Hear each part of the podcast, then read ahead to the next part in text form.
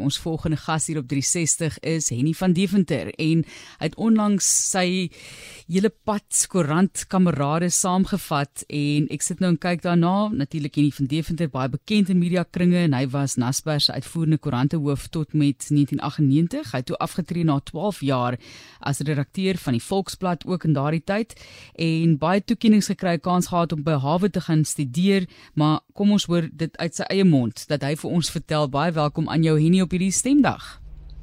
Baie dankie Mardelies.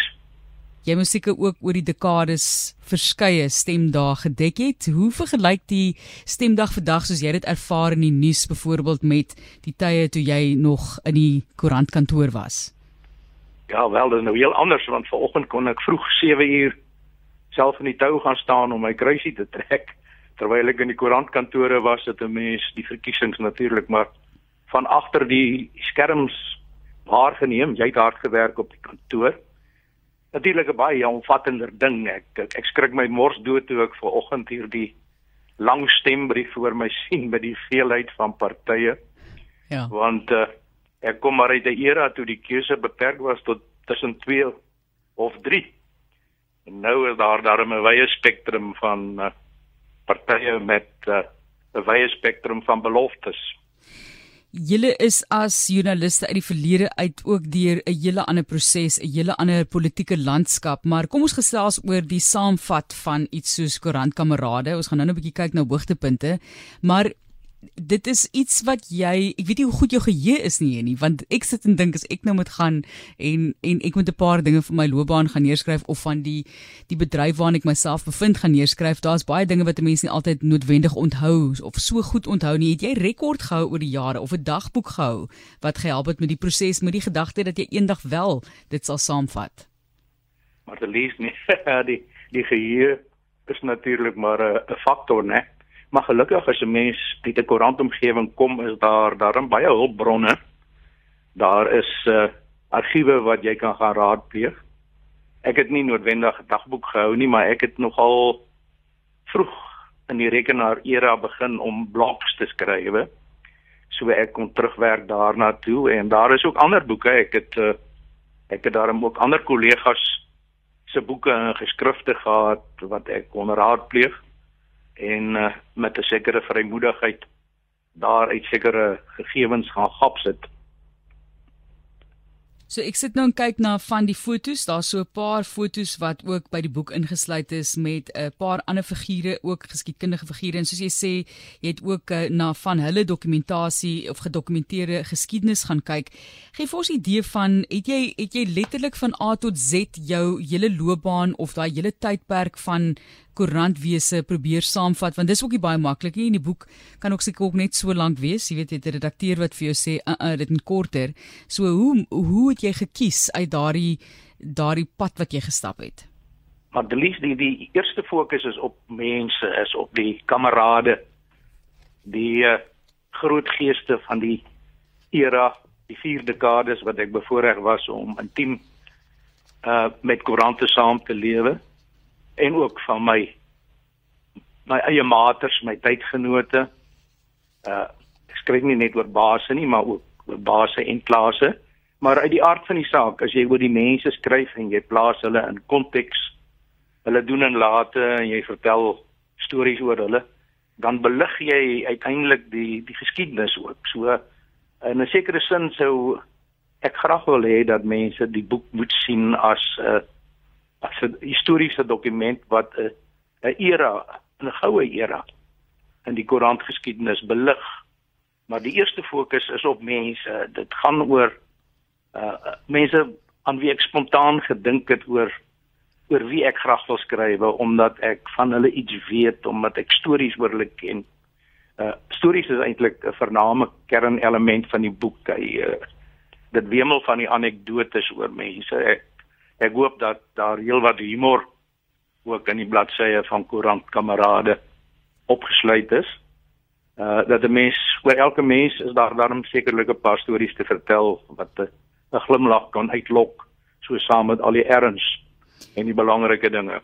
Jy draf deur van professor Pietselje tot by Nancy Oosthuizen klein generaaltjie tot by Phil Zaiman 'n plofbare storie. En gepraat van plofbaar jy beloof ook vir mense dat daar 'n intieme blik gegee word nê en goed bewaarde geheime. Is daar een wat jy met ons gaan deel voordat ek vir jou vra vir dalk 'n gunsteling storie kortliks uit die boek? Ja nee daar is heelwat stories oor uh gesprekke binne in direksiekamers oor redakteurs gestoei met uh, direksies oor redakteurs se gestoei met politieke figure. Uh dit is maar altyd 'n verhouding wat baie sensitief kan raak by geleentheid die, die verhouding tussen koerantmens en en politikus. En ook in daardie dae wat daar nou 'n redelike gemaklike geformaliseerde verhouding was tussen koerante en die party het daar tog spanningsgeleenthede opgeduik tussen teen tussen politieke figure en en persmense en daarvan is daar heelwat. Daar's ook humoristiese uh uh insidente soos byvoorbeeld ek vertel van Pizzelier wat vir PW Botha gesê het u se moer ook wat so 'n mengsel is van respek maar ook disrespek Uh, dit is ook die die die tipe anekdotes wat ek uh, in die boek probeer weergee. Die die verhoudingselement tussen mense hoe dit in hulle in hulle gespreksituasies na vore kom. Dis baie moeilik so om te kies. As mens kyk 52 eintlik afdelings in die boek en mense waarop jy fokus, maar iewers moet daar seker iemand wees wat 'n pertinente rol in jou loopbaan gespeel het in jou lewe daagliks wat jy met ons sal wil deel? Iemand wat jy net voel vir jou noodwendig baie belangrik was. Ja, ek laat ek net eers sê dat natuurlik baie nog lewende mense wat uh, in my lewe belangrik was en my loopbaan baie belangrik was, maar wat nie gekwalifiseer het vir die boek nie omdat hulle nie ontslapenis is nie. Die die eerste vereiste vir opname in die boek is dat jy reeds die die tydelike met die ewige moet verwissel het. Nou ja, daar is heelwat die die pool waaruit ek kon kies is is baie baie groot en dat ek uiteindelik op 50 besluit het ietsie in die 50 dat dis soos ek gesê het 'n spontane seleksie. Dis nie noodwendig die mense met wie ek die nouste saamgewerk het. Ek het nie probeer kies wie was nou my groot mentors nie. Maar uh, wel in die boek is my eerste nuusredakteur toe ek ingestap het by die Volksblad in die uh, laat jare 50 as 'n studentewerker. My eerste redakteur wat ek by die Volksblad gehad het en dan uh, heel party kollegas, my kollega Herman Leroux wat uh, rukkie van tevore ook vanmiddag op uh, jou program gesels het. Sy naam word ook vermeld in die boek, maar natuurlik nie as 'n een van die onderwerpe nie, want Herman is nie net nog in die lewe nie, hy is baie sterk nog in die lewe ja. ondanks sy 86. Ja, nee, daar is uh, ag ek wil eintlik sê iemand vir wie ek en ek sê dit ook in die boek hy helde verering het uh, meer as enige iemand anders se skulpinaar uh, ek het hom leer ken toe ek aan die persgalery van die Volksraad gekom het in 1964 toe was hy die indrukskrywer vir die burger en 'n man wat 'n enorme indruk op my gemaak het. En in die een hoofstukkie skryf ek van hoe ek en hy een oggend Albertinia toe saam gery het. Die die passasier van statuur by my in die motor in slegte weeromstandighede op 'n pad wat ek nie ken nie na 'n bestemming waar ek nog nooit was nie. In 'n motor wat kragtiger is as een wat ek nog ooit van tevore gery het. In 'n tydsdruk om betyds daar te wees wat my paniekerig gemaak het. So uh skalk is is miskien die man aan wie ek onmiddellik dink as iemand vir my vra om oor 'n persoonlikheid, maar daar is ander persoonlikhede, die formidable Pietsie. Hy was sekerlik die gedigte redakteur van sy era gewees.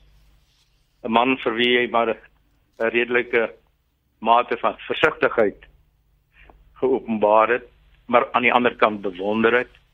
Ek het die voorreg gehad om 'n rytjie van Renen te leer ken. Daar was maar een rytjie van Renen, een van die sprankelendste joernaliste by die wonderlikste skryfstyle wat daar seker nog in Afrikaans aktief was. Ook by my eie Volksblad kollegas wat ek genoem het uh, Bart Simon wat uh, in 'n sekere sin my patriarg in die journalistiek was onder wie se hand ek groot geword het.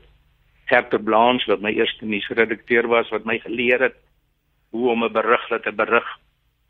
'n uh, 'n inleiding moet hê wat nuuswaardig is en dat hy kort moet wees en dat hy sonder 'n klomp byvoeglike naamwoorde geskryf moet wees. Al hierdie mense het ek uh, 'n sekere deernis en en agting voor en ek hoop dat die boek dit weer speel.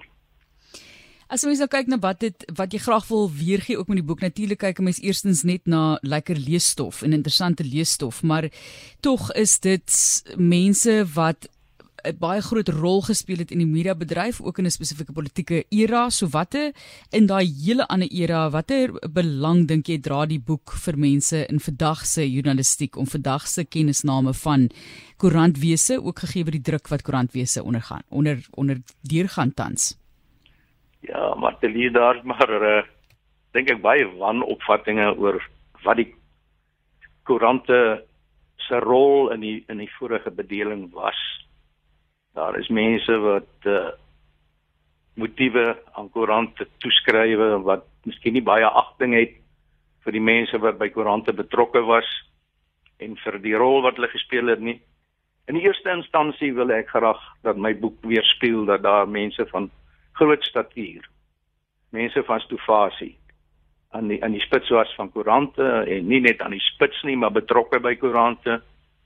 En dat koerante eintlik eh, eh, 'n uh, uh, baie sterk invloedryke rol in die samelewing gespeel het en dat ook van daardie persmense deur hulle betrokkeheid by die koerante het het in in die samelewing 'n enorme rol gespeel en invloed gehad. En ek ek hoop dat dit weer speel sal word uh deur my boek En nie, ek dink mense moet maar die stories ook self gaan lees, maar baie dankie dat jy dit saamgevat het en dat jy besluit het om so op die ander persoon te fokus, op die mense wat so groot rol ook gespeel het. Jy natuurlik self 'n formidable loopbaan agter die rug en mense wil eintlik dit so stel nie want jy skryf van nou nog. So eintlik is dit nie agter die rug nie. Eintlik is jy nog steeds aan die gang en ook baie bekend vir die feit dat hy 'n sabbatsjaar kon neem om by Harvard Universiteit in Cambridge te gaan studeer, 'n hoogtepunt soos hy dit ook uitwys en in 1997 het hy die hoogste eerbewys gekry, die Phil Weber medalje wat aan hom en sy nalatenskap in sy loopbaan van 35 jaar vir hom gebied is. Sê nie baie dankie vir die uitwys van 'n paar name wat hulle rol gespeel het in die verlede en lekker skryf verder. Ek weet jy gaan seker nie ophou nie as jy besig met iets anders. Nee, nee. Die laaste op die laaste bladsy van Koerantkamerade is 'n stukkie met die opskrif die gordyn sak. O goed, nou ja, ek sien so, ja. ja. Ouderdomspensioen tree nou by my in hier in my 81ste jaar op Melkbos. Nee, mens weet nie wat die toekoms nou nie maar te lees, maar ek dink dit is die laaste. En baie dankie vir die eer dat ek uh, met jou en die luisteraars kon gesels oor my boek. En hy sê ek, ek klink op julle 'n glasie, so ons klink op jou 'n glasie en baie dankie. Baie dankie, ek sal dit ook vanaand doen. Baie dankie hoor.